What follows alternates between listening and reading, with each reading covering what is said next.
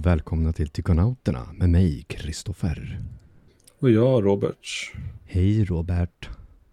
Hej, hej. Hur mår du? Uh, jag vet inte, krasslig idag, sådär, jag vet inte. Det var någon på pendeln igår som hostade som fan. En ungdom, så att jag vet inte. Har jag otur så har jag blivit smittad av någonting. Jag vet inte. Nej, men lite krasslig, jag skulle träna, men så bara nej, pallar inte. Jag får vila upp mig och köra imorgon. Så är det, man Annars- ska vila. Jo, tyvärr. Själv då? Jo då, det är lugnt. Var ju... Går med bajsmaskinen. Ja, det var jättebra. Han, eh, okej. han har jätteroligt. Han gillar att dra i hår. Jaha, Och oj. sen skrattar han och tycker det är jättekul. Så, Han ska bli en... eh, Okej. så han är lite, lite så skadeglad och lite nyfiken och så. Så det är ganska lugnt sådär. Mm. Fick lite problem med ryggen och sådär, men det, det löste sig. Det blev bra. Vad fan gjorde du då? Mm, Nej, det var någon muskel som drogs riktigt illa. Ja, var det när du skulle knyta skon eller? Nej, men alltså det är nästan på den nivån. Nej, men jag bar någonting otympligt och höll på att greja och sådär. Sen, jag vet inte, bara Ja. någonting bara hände. Så Mm. blev det jättetråkigt. Ja, får börja träna upp dina muskler. Ja, det bör man ju göra alltså. Jo. Det blir lätt. Det bara köpa så här, det går ju att köpa sådana enkla viktiga hantlar typ. Mm.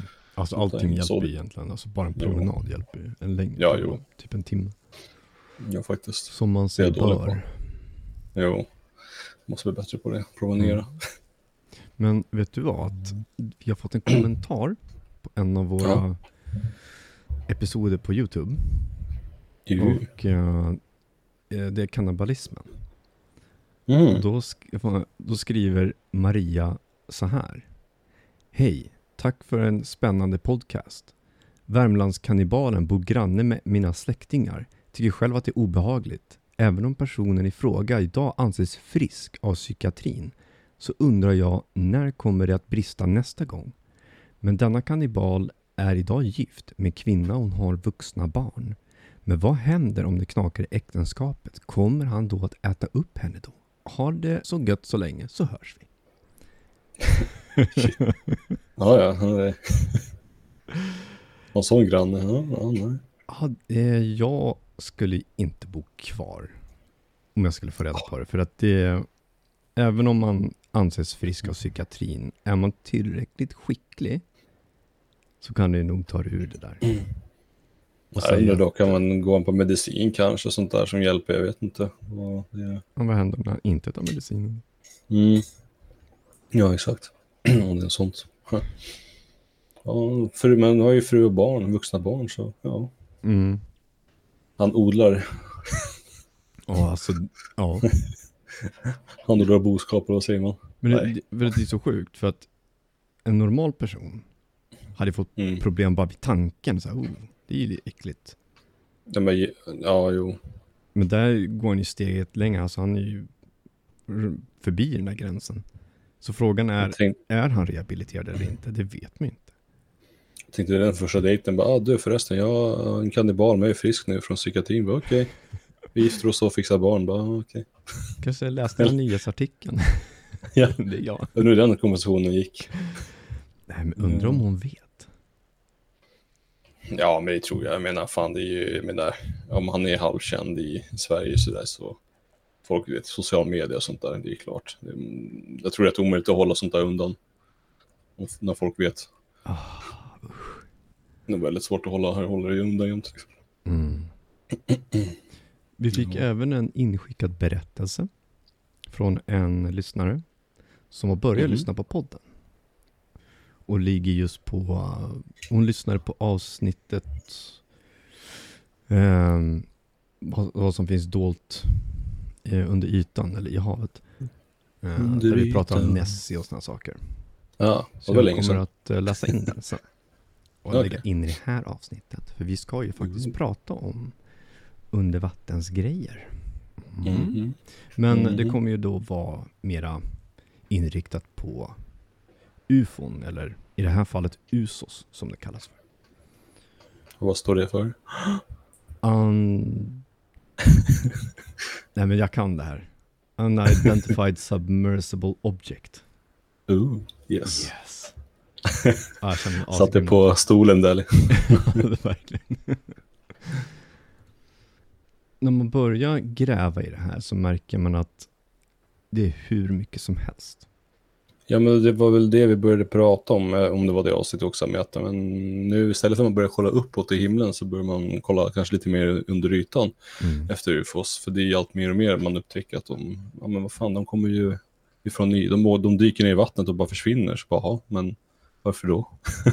Ja, exakt. Det så att de bor i, att de bor, att de har, har några undervattensgrottor eller ja, något sånt där under, under ytan så att säga. Mm. Så det är en eh, rätt, jag tror att, jag tror, ja, jag vet inte, men jag, jag skulle tänka mig att det är rätt ny teori, så att säga. Jo, för att eh, i till exempel Ryssland så har de ju de släpper inte ut all information om vad de har sett i vattnet. Mm, nej. Och eh, under Sovjeteran så var det ju väldigt mycket hemlighetsmakeri kring vad som åkte omkring under vattnet. Och de har rubricerat de här hemlighetsstämplade eh, papperna som att man får inte skapa panik i populationen. Mm, Antagligen för att det är så ofta och så tätt. Mm, och väldigt nära eh, landet. Då börjar man ju undra lite så här, ah, det är ju sam, precis samma som USA kör också. Att de hemlighetsstämplar så säger de bara, nej men det är för allmänhetens bästa. Att ingen ska få Ja. reda på det här. om vi inte skapar en global, eh, eller en, eh, ja, en global, vad heter det, o- oro eller vad man ska säga. Mm. Det är det, Jag kan de- förstå dem det de skyller på. Jag kan faktiskt förstå Ja. dem på ett sätt, det gör jag. Men i och med att det dyker upp mer och mer hela tiden. Och jag kommer gå igenom en ganska, det hände ju ganska nyligen, 2017. Och då var det ju en oljerigg som eh, var någonstans i, ska vi se, Mexikanska golfen. Jaha, så pass. Ja, det är en bit utanför New Orleans. Och då var det ju ett fraktskepp som skulle åka över till en oljerigg. Ja. Och det var ju som en vanlig, vanlig morgon eller skymning. Jag tror att det var skymning. Så de åkte ut dit och sen så märker de att någonting stort kommer upp i vattnet. Och de tänker, men vad är det där för någonting? Och första tanken är ju, ja men det är en ubåt, men vad ska den göra där? Det är ju farligt. I och med att det, det är trafik där. Men så märkte de att nej, men det var, farkosten är helt tyst. Det var inte ett ljud. Och sen när de märker att den kommer längre och längre upp mot, eller över ytan, så ser de att vattnet stöts bort runt det här objektet. Ja. Och den är ganska stor också. Och sen sticker den bara iväg. Man, då börjar man ju undra också lite så här, hur förklarar man det? Vi har ju inga båtar som gör sånt. Nej. Det är ju helt sjukt. Men frågan är vad den gjorde där. Alltså runt oljeriggen. Mm, nyfiken? Nej, men ja, det är... Kanske är så att vi förstör för mycket. Jo, kolla till att vi sköter oss eller? Nej, ja, men exakt, man vet ju aldrig. Man Mm. spekulera, men... För det var ju något oljeutsläpp där förut. Eh, Ja, just men det var inte det jättelänge sedan. ja, det var väl 2010 tror jag. Det var något gigantiskt Ja. oljeutsläpp där. Ja, exakt. Och det var ju världens så skriverier och sånt där. Att det där Mm. mexikanska gulfkusten kunde ju bli... Det skulle ta hur många år som helst att få bort det och det var jätte... Men det var inte någonting som en olje... eller olje inte rik, men det var väl en båt som sjönk va? så var de tvungna att... Ah, fan, det var så länge sedan. Men det var, ja, jo, det var... Så kanske att det är något sånt att de håller koll överallt. För det, det har även läckt ut radioaktivitet i vattnet och sånt. Fukushima och så. Ja, just det. Så ja, de kanske det. är lite, undrar lite grann vad vi håller på med. Och han be, eh, den här personen då som beskrev det objektet, han, var, han är ju faktiskt en ingenjör. Det är i alla fall någon som har ett hum om vad det handlar om. När det kommer Mm. till mekaniker och sånt. Och han beskrev det att det här objektet försvann på ett sånt sätt, lika snabbt som att man skulle tända ett ljus i ett rum. Och då är Mm. det snabbt. Mhm. Men det betyder ju också att de kan inte använda sig av någon de kan inte åka från vattnet rakt upp i luften, men de måste åka igenom vattnet för att ta sig upp till ytan och sen åka iväg. Så jag antar väl att de skiftar system någonstans där. Ett system för att ta sig ner under vattnet för att stöta bort allt vatten så att de är, inte kan känna tryck. Utan de Ja. skapar något eget. Men när de kommer upp i luften så måste de kanske skifta till någon annan sån här drive eller något. Så Otroligt fascinerande. För skulle jag se det där, vad ska man säga? Ska jag bli baffled? Så länge du tog fram kameran så. Oj, man måste vara så himla snabb säga. Ja, jo. Men det är som de säger, så mycket också så här, det är mycket som ser och berättar så, så frågar folk om varför, varför spelar inte du in eller filmar där? Man, nej, alltså.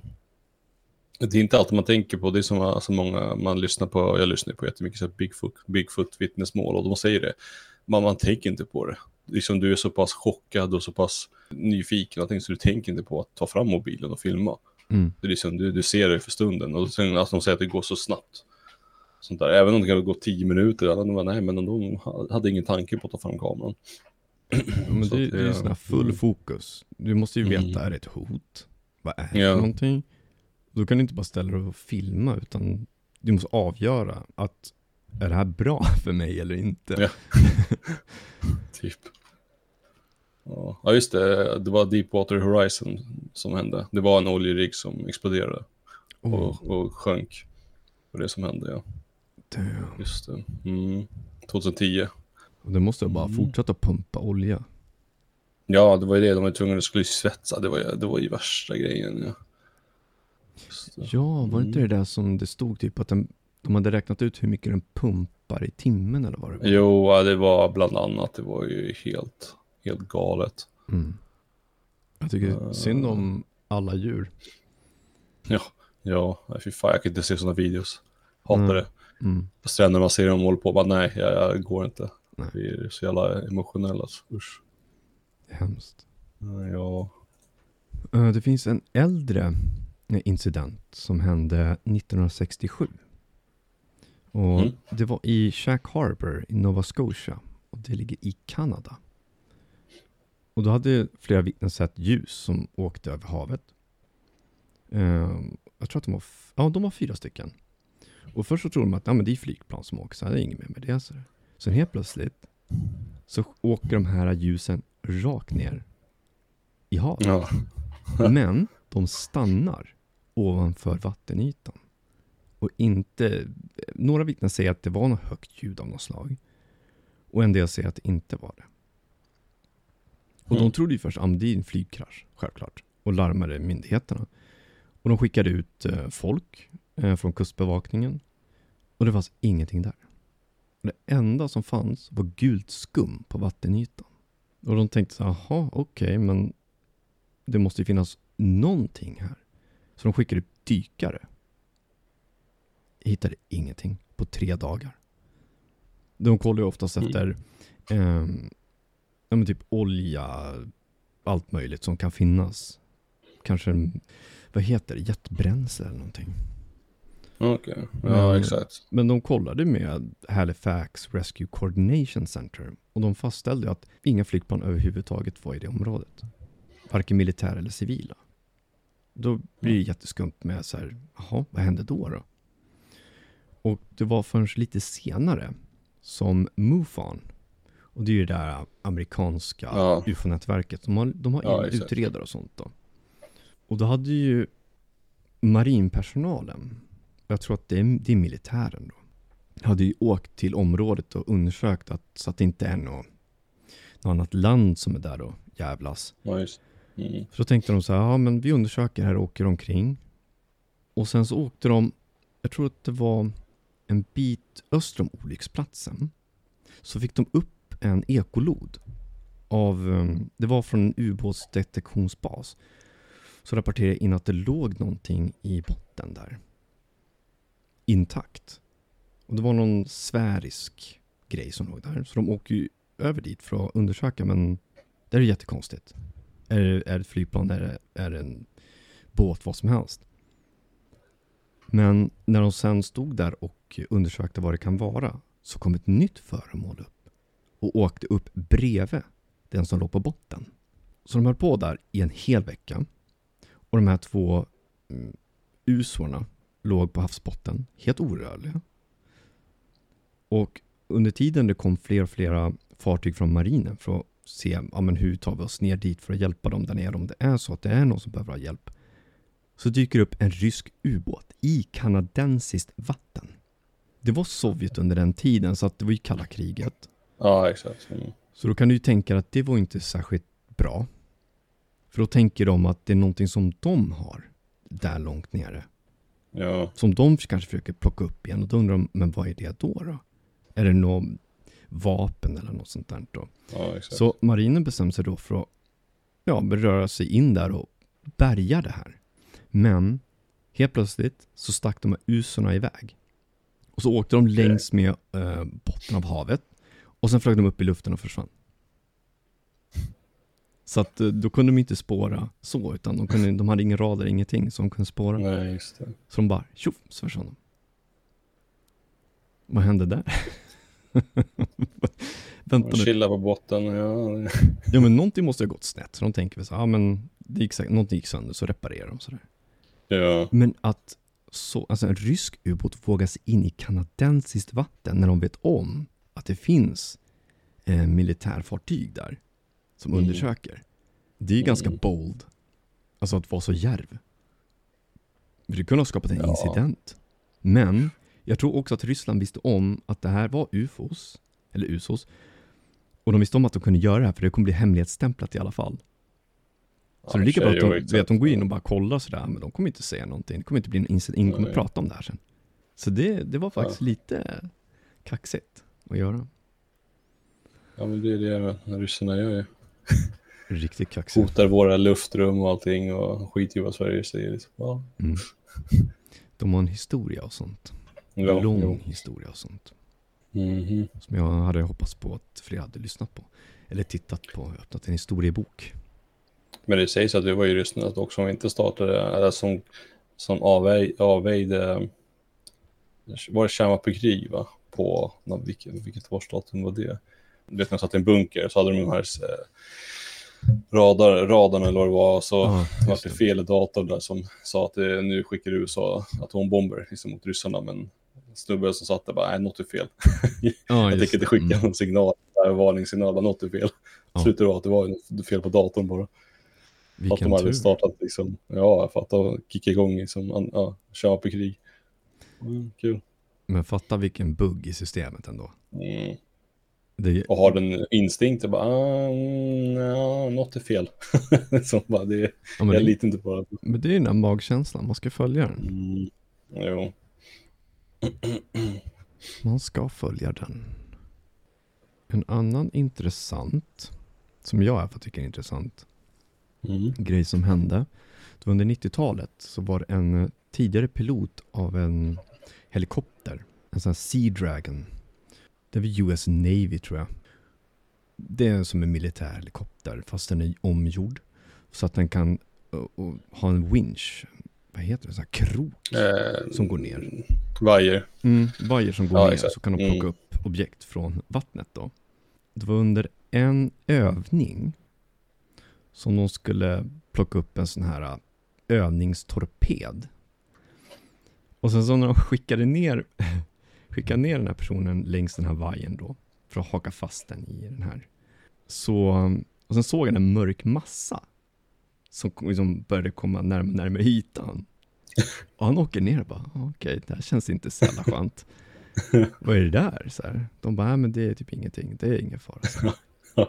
Och sen ser de hur övningstorpeden sugs in och försvinner. Man bara, jaha, okej. Så s- det finns väl inga djur som gör sånt? nej, alltså nej, inte suger nej. Mm. Jag tänkte val, men nej, För, det, de suger inte in saker. han beskrev det som ganska cirkulär.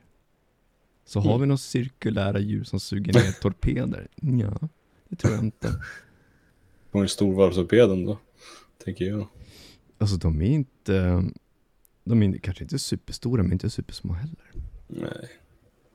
Det beror på också. Det är väl om det är när oftast när sådana här dummies så är det ju kanske inte de är riktigt samma storlek heller. Men Mm. fatta se bara sugs ner, bara vänta nu, va? Mm. Shit. Och torpeden sågs aldrig igen. Nej, det... Ja, exakt. Nej. Mhm. Mm. Men det finns även en, en 79-årig kvinna ehm, eh, kontaktade någon som heter David Fravor. Och han var ju med i New York Times-artikeln om hans UFO-observationer 2004. Mm. Och den här kvinnan berättar att hennes far, som var sjöofficer, och um, han var ju satt på marinstationen i San Francisco på 50-talet. När hon var barn visade hennes far henne ett telegram som påstår att oidentifierade föremål hade setts gå in och ur vattnet vid en nu bortglömd uppsättning latitud och longitudkoordinater. Kvinnans pappa sa till henne, vi får dessa hela tiden och det är alltid i samma område. Oj. Mm. Så hur många civila har sett? Hur många fiskare har sett? Måste vara ganska ofta ändå. Ja, fiskare om någon borde ju egentligen se saker. Mm. Alltså, ja, faktiskt. Det tycker jag. Så har vi några fiskare där ute som har sett någonting? Någonting okänt? Ja. ja. Det kan vara vad som helst. Jag menar, Mm. svart massa under som suger ner betet. Men det har ju dykt upp på flera övningar eh, i marinen. Där de försöker att, så här, de, för att det är inte så bra om de har en övning någonstans, kanske lite hemlig. Och så märker de att någonting observerar dem under vattnet. Då undrar de ju så här, men det där måste ju vara någon som spionerar. Ja. Och då var det en incident där de åkte efter den här, jag vet inte om det, jag tror att det var i Puerto Rico. Och då, då åkte de ju, då tog de någon, jag tror att det var en, antingen en ubåt eller en kryssare och åkte efter den här, det här objektet. Men den försvann sen. Eh, och den åkte iväg ifrån dem i 150 knop. Jag tror att det är typ 200 kilometer i timmen. 230 eller nå, nå, någonting åt det hållet. Det är väldigt snabbt. Åka så snabbt, så plötsligt. Det skulle ju krossa ett Ja, det är fartyg. nästan tre, ja det är 277 km i timmen. Åh, fy. Ja, det skulle, alltså, en Ja, ubåt fan skulle galet. krossas. Oh, shit alltså. Hur fan går snabbt det går nu i båt skulle jag säga. Uh, är det inte 60 km i timmen? Om jag inte missminner mig. Alltså i alla fall de på den tiden. Ja, i och. Jo. Då var inte de så snabba kanske. För jag tror att det här hände 1963. En, 20 en av de här incidenterna i alla fall, den som jag beskrev nu. Ja. Så jag tycker att eh, det, är liksom, det börjar läggas på hög allt det här. Känns det som. Alla de här observationerna från Ja. marinen, från de civila. Och nu har vi ju en ganska hög trave. Och, det är inte, och de försvinner ju inte permanent heller, de kommer också tillbaka och kollar. Och till slut så blir det så att marinen eller flygvapnen de ignorerar ju. För att de Ja, har det var- försökt flera gånger att nå dem, men det går inte. De försökte anropa dem också. ja, men va, det är de här igen. Bara, Okej. Låt dem göra sitt. Ja, det blir ju så. Mm. Just det. Den här är intressant. Utanför Half Moon Bays kust i Kalifornien rapporterade ett ögonvittne att hon 2007 observerade tre ufon när hon var ombord på kryssningsfartyget Dawn Princess. Och då säger hon så här, jag citerar. Efter cirka fem minuter kom tre mjukt glödande föremål fram. Tre enhetliga, nästan sfäriska föremål, jämnt fördelade i en linje parallellt med fartygets skrov och svävade precis ovanför vattenytan. Det verkade stanna på ett ställe medan fartyget rörde sig förbi dem. Det svävade men störde inte vattnet under dem. Precis när det gick ut ur min, mitt synfält stänkte den vänstra mot fören ner i vattnet och försvann.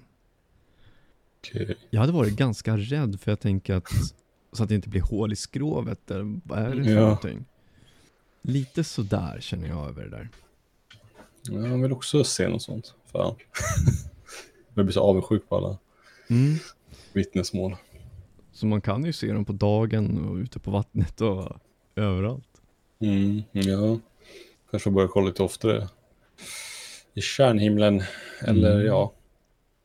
Eller om man kombinerar, om man sticker till vattennöden igen, för då har man vattnet och man har himlen. Ja, just det. Mm. Vi såg det här över... mm, Synd bara att alltså, det är så synd att inte kameran tog upp det, alltså avståndet, för det var ju så jävla konstigt ljus där borta. Mm. Dök Jättemysigt. upp från Alltså. ingenstans. Jag var ju alldeles för snabb för att plan också. Och Mm. åkte inte alls i så här en, en, en den följde inte en eh, säga, rak linje så att säga. Den var lite svajig lite, lite till och från så här, sidorna. Ja, det är väldigt mjukt men ja, man såg att det var inte bara en rak, rak sträcka. Mm. Så att, ja, det var sjukt intressant. Jag får dra dit och filma någon gång igen helt enkelt. Jag känner för att göra det. Ja, bra. Så får vi boka upp det. Ja, Så får vi hoppas på att vi får vara ostörda. Ja, jag tänkte säga det så att vi blir partycrashade crashade av, väl inte ungdomar riktigt, men så får vi ta med oss eh, en viss bräda också. Ja, precis. Köra Ouija board där ute. Lätt, så lätt. Jag kan lätt köra själv, du kan stå och filma. Så får vi se hur jag bara lyfts upp och försvinner eller... Kommer inte. UFO kommunicera. Ja, exakt. Men, det är ju perfekt egentligen om man skulle köra där. För tänk dig, ja, då har du vatten, du har himlen, skogen, mörker, allting finns där. Mm. Ju- Frammana Kan det bli bättre? gammalt väsen. Ja, det ser ju perfekt. Mm. Jag är lätt på, lätt. Jag kommer vara jätterädd. Men det är okej. Det får man vara. Du ska bara filma ju, fan. Jag, som borde vara rädd. Men, eh, det är lite kul faktiskt, jag har satt lite så här till vissa men typ personer som har det till koll och de bara nej, vadå nej, jag bara, gör inte, ö, kör inte bara vadå inte, jag, bara, jag är skeptisk, bara nej. Bara. Så man, alla avråder att göra det, men bara att ja, inte, inte Ja, men, eh, leka med den. Men du kanske blir troende efter att ha kört Ouija board. Ja, men du ser, det är, jag vill utmana, jag vill se om det verkligen är något. Mm. Och det är ju perfekt. Mm, då skeptiker som mig så, ja. hoppas på att den inte ser mig filmande. Så Ja, exakt. Oh. Han ska följa efter. nej. Nej, fy fan vad hemskt. Ja, nej, men jag tror, nej men det är lätt alltså. Mm. För köra på en, det är bättre att köra på en eh, avlägsen plats än att typ köra hemma hos någon av oss eller någonting. Du, så, här, ja, då vet man inte var den kan fästa sig vid. Ja, det är jag lite orolig för. Mm. Men därför är det bättre bara, ja, man kan köra ute så har man kanske någon, får någon typ av docka någonting bredvid så fästen där så kan man bara slänga den i vattnet så. så. Drunkna. Nej. Får Ja, ligga nej. på botten. Ja, exakt. Hemsöka alla badare. Fick sån här cement, eh, cement eh, skor till den och slänger ner. Som maffia gjorde. Ja, just det, det. på, var det 70-talet, 60-talet, 50-talet i Chicago var det där det började tror jag. Mm. Vilken hemsk grej att ens komma på Ja, det. Ja, det är just, jag läste, jag läste nu på tal, om, eh, på tal om det och ingenting. Det var ju mm, nu när eh, vattnet har ju dragit tillbaka i massa sjöar och sånt där, du vet, överallt runt om i världen, typ så har de hittat, ja, fan var det någonstans, det var någon, jag, jag vill säga USA, inte USA, men det var en ställe som var så här maffiainvesterat och i, den här sjön kan man säga, jag tror att det var en sjö, där, där, så, där hittade de ju skelett liksom, så här, bara på botten där med just mänskor överallt, typ så här, bara oj, ja, men här, det var liksom allmänt känt för det var en gammal sån maffia-dumpplats av, av människor. Så nu liksom när vattnet dragits tillbaka så bara oj, här ser vi dem liksom. Det är bra på ett sätt, men Ja, hemskt att se det där. Ja, och så okej. här, Ja, okej, det Mm. stämde. Så, okej. vet, man kanske hit- hittar Jimmy Hoffa nu. Ja, det kanske man gör. Men apropå just så här 60 och 70-talet så finns det ju en lite halvkänd från Mississippi. Där några vittnen och, um, vad heter det, kustbevakningen. Mm. Upp till nio vittnen såg en cirkulärt metallobjekt sex meter långt. Och Oj. hade något så här guldaktigt ljus på toppen. Och så åkte den upp eh, ur vattenytan och mättes då ungefär till två meter från vattnet. Så den var ganska stor. Mm. Och sen så när det objektet såg, jag tror det var ett av vittnena, så sjönk den direkt ner i vattnet. Det är som att den blev upptäckt. Den trodde inte Ja. att det fanns folk där. och den här kustbevakningen skrev ju en rapport på det här eh, och kontaktade en, en, eh, marinbas i närheten. Och den här basen hade då sagt att jo, vi fick upp den på radarn. Och den, och den mätte just i sex meter. Ja. Och då tänker man så här, visste, de, visste Navy om det här eller inte? Jag vet inte, de, Ja. de lät inte så himla, de bara, ja, vi såg den också typ. Va? Va? Hur många har ni sett? Ja, exakt. Det här var inte första gången alltså. Men ändå ganska snällt att just 73, Erkänna. de var ju, ja Mm. precis att de erkände det. Annars var det ju ganska tight med den informationen men bara, nu vi ser ingenting. Uh, Ja. Och jag tror faktiskt att, eh, om jag inte missminner mig, att Navy Seals, eh, elittruppen i USA, Mm. eh, att de slutade att träna i, utanför Puerto Rico. Just för att det var så mycket sådana incidenter. Eh, Jag tror det var under någon träning som de märkte att det fanns ett objekt i närheten. Och när de rörde sig nära den så åkte den ifrån. Men när de gjorde vissa övningar, då åkte den närmare. Ah, shit. Så då kände de lite så här, vi byter istället. Det här känns inte så säkert. Nu börjar vi byta. Mm. Skulle du kunna åka till typ, eh, ja men Bermuda-triangeln där?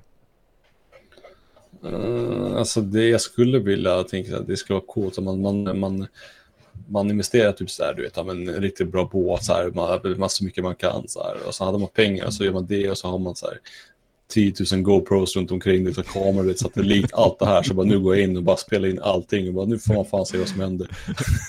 så dör man så dör man med liksom, det är så att konstant feed, liksom så här live feed och, ja, men det, det, det skulle, hade jag haft den möjligheten så hade jag kanske gjort det. Ja. Inte bara nu ska jag in, bara, bara, nej alltså då, för man vill ju ändå filma det så där, bara, nu, nu ska jag lösa mysteriet här. Då åker man in med all teknologi som går och bara, ja. Det är typ som en sån här storm chaser. De här som Ja, åker, typ. mot um, tornados och ja sånt. de är fan galna alltså. Mm. Så jag kan tänka mig att din båt kommer bara se ut som en, jag vet inte, en sån här plåtburk med så här hundra antenner. Ja men typ. Och det cover alla vinklar och bara så. Så eh, slås allting ut säkert in och det händer någonting som vanligt. Bara, nej. Men då kanske det blir som en sån här, de har hittat såna båtar där. Där de är, ja men moderna båtar som är helt tomma. Jo, Där de har, ja, det är sådana, ja. det finns, maten är serverad och allting men ingen är kvar på båten. ja. Det finns, fan det måste vi snacka om någon gång. Sådana här övergivna båtar, det finns ju jättemycket sådana historier. Ja, fan vad bra, jo. Det, Det är Och det rikt- finns ju ja, det finns hur mycket sånt, där.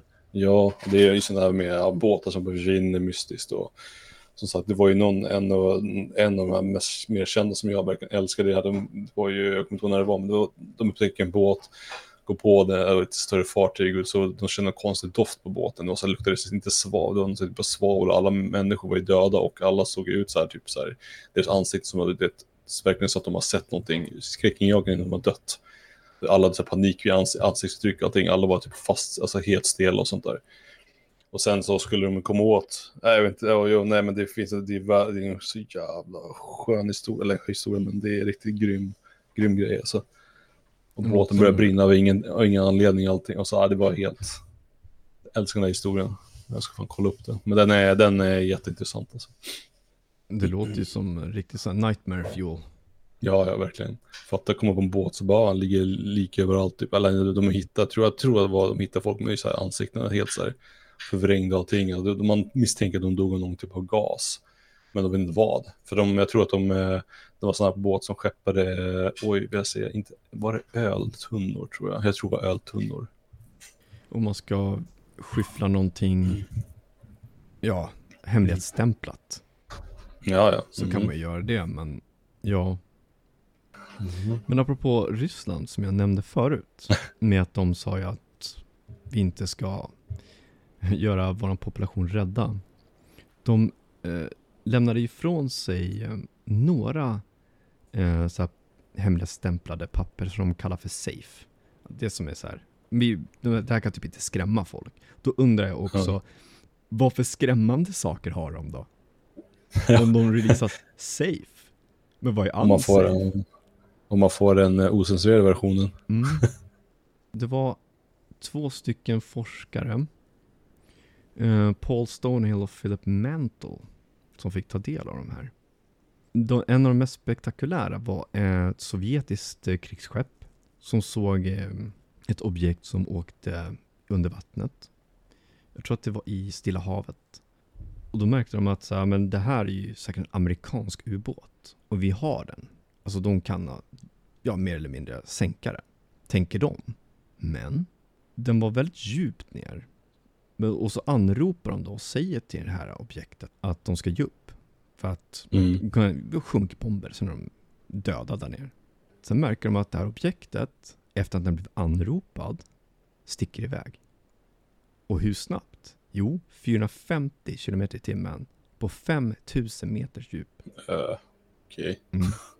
Och en ubåt Ja. åker ju som jag sa ungefär 60-65 km i timmen. Och de är inte 5000 meter ner. Åh nej. Och åka så snabbt skulle göra en ubåt till en väldigt, de typ som tar en colaburk och sen så krossar den. Ja, Det är vad som händer.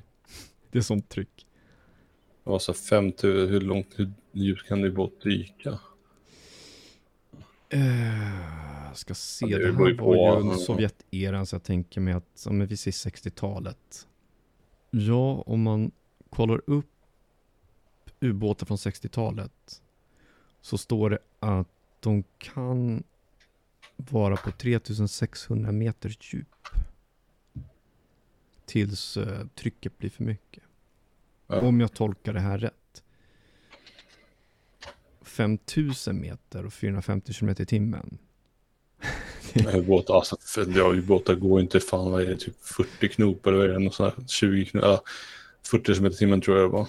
Och tänk på att om du ska åka i de här djupen, du kan inte åka maximum speed heller för att Nej. det finns ju lite olika höjd och sänkningar under vattnet. Du vet aldrig om du Mm. åker in i någonting. Så Nej, du åker exakt. väldigt långsamt, du kryper ju fram. Alltså måste du upp, över, över där för att hamna på någon safe eh, djup och sen åka jättesnabbt. Mm. Och 65 km i timmen är inte så snabbt för den här eh, krigsbåten då. Den sovjetiska kan nog utan problem åka i den och sen spränga den i små bitar. Så det var därför de trodde att den här ubåten då inte hade upptäckt dem. Ja. Bad dem att ge upp. det gick lite sådär. Nej, oj, det kanske inte var en ubåt. Bara, mm. Mm. Något som kallas för Odessa-incidenten. När flera Oh. officerare och soldater Mm. Från eh, någon sån här bas observerade en USO som eh, åkte upp ur Svarta havet. Ja, precis. Den åkte, den åkte upp ur vattnet när de märkte att den här sovjetiska militära mm, båten åkte mot den. Så den åkte inte ner, den åkte upp. Så frågan är varför den åkte upp och inte ner som den andra som åkte iväg under vattnet. Det är intressant. Kanske att den var rädd för någonting. Ja. Kanske att just, just den här um, kryssaren kanske hade något, något vapen kanske som de tyckte att det här kanske inte är så bra. De ville kanske inte chansa. Det är bara skygga. Mm. Intressant. vet ju. Ja, shit. Åh, jag vill verkligen veta vad mer för dokument de har som de kallar för unsafe. Mm. Oj, oj, oj, oj. Får se när Putin dör så kanske någon vettig människa kommer dit och nu, nu släpper vi allt. Bara, okej. Åh, det skulle vara awesome. Men det är så synd också för när Sovjet föll, då kunde ju många länder köpa eh, hemlig, hemlighetsstämplade dokument från Sovjet Ah, i olika mm. saker och så. Men mycket var ju förfalskat. Bara för att tjäna pengar. Ja, just det. För de hade ju Ja, tillgång till alla stämplar och allt Mm. möjligt så de kunde ju bara tjäna en ganska grov hacka på det där. Ja, det är jag besviken på Trump att inte han, eh, han lovade att han skulle deklassifiera, deklassifiera Area 51. Så bara, hopp. Ja, alltså Ja, vad hände där? Det var ett vallöfte ju, men vad fan. Trump, Mm. you failed. Vinner du ändå jävlar ska du lova så. Mm. Ge oss informationen. Fan, man vill ju veta. Det vill man. För fan. Mm. Men jag tänker så här att jag kommer att klippa in den här äh, upplästa. Ja. Eller när jag läser in den här historien då. Så får ni höra Ja. den.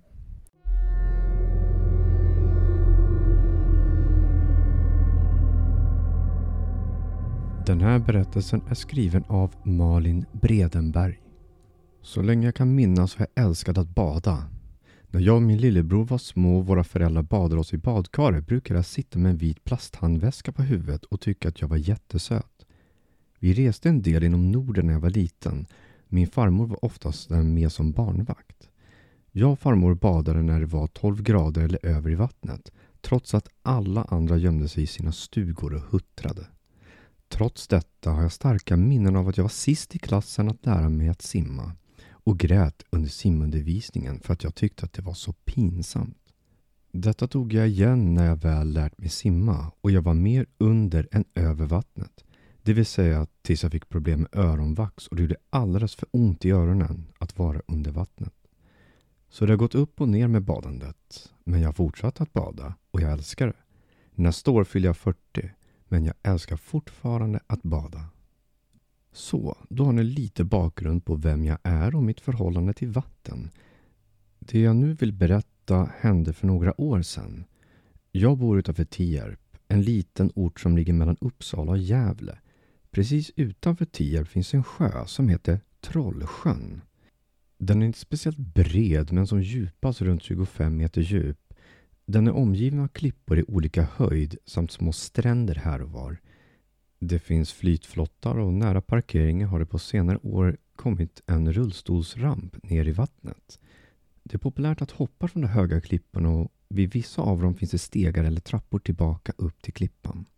Vattnet är väldigt klart och ofta ganska kyligt då sjön är så djup. Varma dagar är sjön väldigt populär och då är det oftast proppat med folk. Doften av grillat, ljudet av skratt och plaskande och synen av busande barn och ungdomar som utmanar varandra att hoppa från klipporna hör till vanligheterna. Svensk sommar med andra ord. Jag har inga barn. Min sambo gillar inte att bada. Så jag åker oftast och badar ensam. Så när jag åker till Trollsjön åker jag oftast när det är mycket folk där. Min pappa har bankat i mig sedan jag var liten att man inte bör bada ensam. Det händer lätt olyckor om man får kramp och inte kan ta sig till land själv. När det har varit mycket stim och stoj har jag aldrig varit med om något speciellt, vart jag än har badat. En dag när det regnade, min sambo jobbade och jag var ledig, fick jag ett ryck och började storstäda hemma. Efter några timmar var jag genomsvettig och jag längtade verkligen efter att få bada. Regnet hade gett med sig, men det var fortfarande mulet. Jag velade fram och tillbaka men till slut bestämde jag mig för att åka och bada. Så blev det. Jag bestämde mig för att vara praktisk och ta med mig bikini under kläderna hemma. När jag kom till Trollsjön såg jag två bilar som stod på parkeringen. När jag kom ner till sjön hörde jag några ungdomar som badade en bit bort. Det såg ut att vara mellan 16 och 20 år. Jag hörde hur de ropade något i stil med Äh, killar, titta det kommer någon mer. Jag höjde ena handen och vinkade lite åt dem. En av killarna ropade då. Ska du bada? Ja, jag tänkte det. Hur gammal är du? Det gapflabbade. Jag suckade, men orkade inte tjafsa. Ville de vara coola och försöka imponera på varandra, så fine by me. Så jag ropade tillbaka att jag är 35. Några av killarna busvisslade. Cool. Jag gjorde tummen upp och i samma sekund som jag gjorde gesten kände jag mig uråldrig. I vilket fall som. Jag drog av mig mina kläder, la dem och bilnycklarna i en korg som jag sedan ställde ner på marken. Så rättade jag till bikinin och gick ner till vattnet. Det var inte direkt varmt och jag blir lite mesigare ju längre från tonåren jag kommer. Jag plaskade lite med fötterna vid strandkanterna. Sen gick jag i så att vattnet räckte mig till knäna. Jag djupandades och njöt av stillheten och den vackra naturen. Eller ja, nästan stillheten, minns jag att jag tänkte när ungdomarna skrattade och ja, det var just ungdomar. Jag minns att jag var glad och att det var en bra bit bort så att jag inte kunde skvätta ner mig. Utan jag fick ta detta i min egen takt. Att bada är ofta så lugnande och ångestdämpande för mig. Snart hade jag vadat ut så att jag hade vatten till midjan. Trots kyla i både vatten och luft kände jag hur jag slappnade av. Jäklar vad härligt att bara få vara. Att bara få andas och njuta av här och nu. Så kände jag något mot min fot. Något slemmigt. Min första tanke var att det var en fisk. Men jag vet inte om det finns fiskar i den sjön och jag har inte vågat ta reda på det. Men där och då var mina tankar helt och hållet inriktade på att det var en fisk som tyckte att jag stod för stilla. Så jag sparkade till lite med foten och det slemmiga försvann. Jag andades några djupa andetag så dök jag i. Jag njöt av att känna det lätta trycket från det kyliga vattnet omsluta mig. Trots mina öronproblem älskar jag att simma under vattnet. När jag kom upp till ytan hörde jag ungdomarna vissla och skrika. Jag uppfattade svagt ett ”Snyggt mannen”. Men jag vet inte om det var till mig de ropade eller om de bara kommunicerade med varandra. Jag trampade vatten där jag var och funderade på om jag skulle simma ut till en av flytflottarna eller om jag skulle hålla mig nära stranden. Jag var ju inte ensam här, men om det hände något kunde jag då räkna med att tonåringarna hjälpte mig. Då kände jag något slemmigt mot mitt ben. Jag puttade bort det med benet utan att ens tänka på vad jag gjorde. Men det slemmiga kom tillbaka och det kändes som flera fiskar eller ålar simmade runt mitt ben. Jag började simma mot den närmaste av flytbojarna för att komma bort från det. Jag ville inte gå upp än, men ville inte vara där det där slemmiga var. Efter en liten stund var jag utan konstigheter framme vid flotten och hävde mig upp på den. Satt där och andades lite. Det började duggregna. Jag blundade och vände upp ansiktet mot det varma regnet. Jag anade mer än hörde hur stämningen bland ungdomarna ändrades. Jag tror jag hörde någon tjej som sa något i stil med Men lägg av, det är inte roligt ditt äckel. Följt av killar som skrattade panikslaget i ett försök att verka coola och inte tappa masken. Jag sjönk djupare in i min andning. När jag kände mig lugn och nöjd med dagen öppnade jag ögonen, ställde mig upp och dök i för att simma mot land. Efter två eller tre simtag under vattnet såg jag dem. Mörka skuggor som rörde sig i vattnet. De var koncentrerade runt mig och även kring området där ungdomarna var. Men det som var kring mig var närmare mig än det som var kring ungdomarna var nära ungdomarna. Kanske för att jag var ensam medan ungdomarna var i grupp. Jag vet inte vad det var, men det såg ut som halvlånga ålar. Nu kan jag ingenting om ålar, men de här sakerna verkade mycket mer medvetna än vad jag tror att ålar är. Jag försökte trycka undan paniken, såg till att få huvudet ovanför vattenytan och simmade, lite snabbare än normalt, mot stranden. Jag hoppades verkligen att de där sakerna inte skulle komma närmare. Så ska man aldrig tänka. Jag kände hur de där sakerna kom närmare, Ströks mot mina ben. Det kändes som små tänder raspade mot huden när jag råkade sparka till dem när det kom för nära mitt i ett simtag. Jag vet inte varför, men jag dök ner under vattnet igen. Jag fick en väldigt stark känsla av att de där sakerna gärna höll sig nära ytan. Så istället för att simma parallellt med ytan som jag brukar göra när jag simmar under vattnet på grund av mina öronproblem dök jag lite djupare ner. Det skulle jag inte ha gjort. Det jag såg är inget jag någonsin trodde att jag skulle få se och det är inget jag vill se igen. Längre ner i sjön såg jag något som såg ut att vara ett djurkadaver. Men det var översållat med dessa avlånga, smala, ålliknande varelser som verkade gnaga eller äta på kadavret. Jag vet inte hur många kallsupar jag fick medan jag tog mig upp till ytan. Men jag vet att jag verkligen inte vill veta vad det där vattnet jag svalde innehöll. Jag simmade in till stranden så fort jag bara kunde och jag struntade blankt i varelserna som rörde sig omkring mig. Jag tog mig upp på stranden utan någon ytterligare konstigt som hände. Med handduken svept om mig kräktes jag sjövatten i det lilla gräset som fanns där. Äckligt, jag vet, men jag orkade inte bry mig. Paniken fick mig att hyperventilera och jag kunde knappt andas. Men något pockade i bakhuvudet. Jag har några verktyg att använda vid panik och panikångest. Det är inte alltid det fungerar, men denna gången tvingar mig att andas mig tillbaka till min kropp på stranden. Jag insåg dessutom att köra i detta tillståndet inte var aktuellt. Så insåg jag att det var tyst. Alldeles tyst. Var var ungdomarna? Som tur var så var de allihopa på klipporna. Ingen av dem var i vattnet. Trots avståndet så mötte deras blickar mina. Jag vet inte vad de sett eller upplevt, men jag kunde se på dem att det var något liknande min upplevelse. Sakta klädde vi alla på oss och gick mot parkeringen. När vi nådde bilarna stannade vi allihopa. Flera av oss öppnade munnen för att säga något. Men vad skulle man säga? Fraser som Är ni okej? Okay? Mår ni bra? Eller liknande varianten kändes meningslösa. Och vad fan var det som hände? Kunde ingen av oss svara på. Så varför ens uttrycka det? Efter en sista blick på varandra satte vi oss i respektive bil och åkte därifrån. Jag har ingen aning om vilka ungdomarna var. Jag har inte sett dem igen efter detta hände. Eller har jag gjort det, så har jag inte känt igen dem.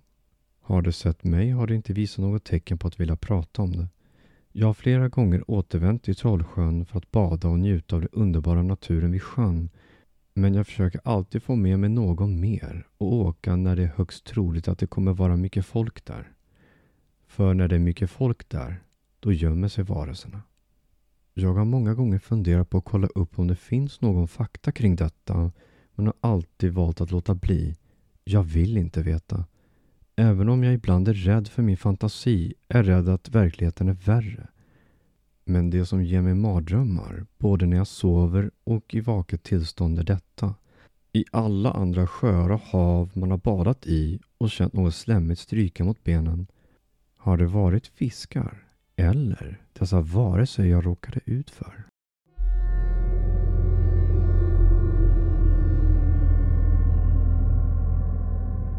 Mm. Men just nu så har faktiskt tiden gått.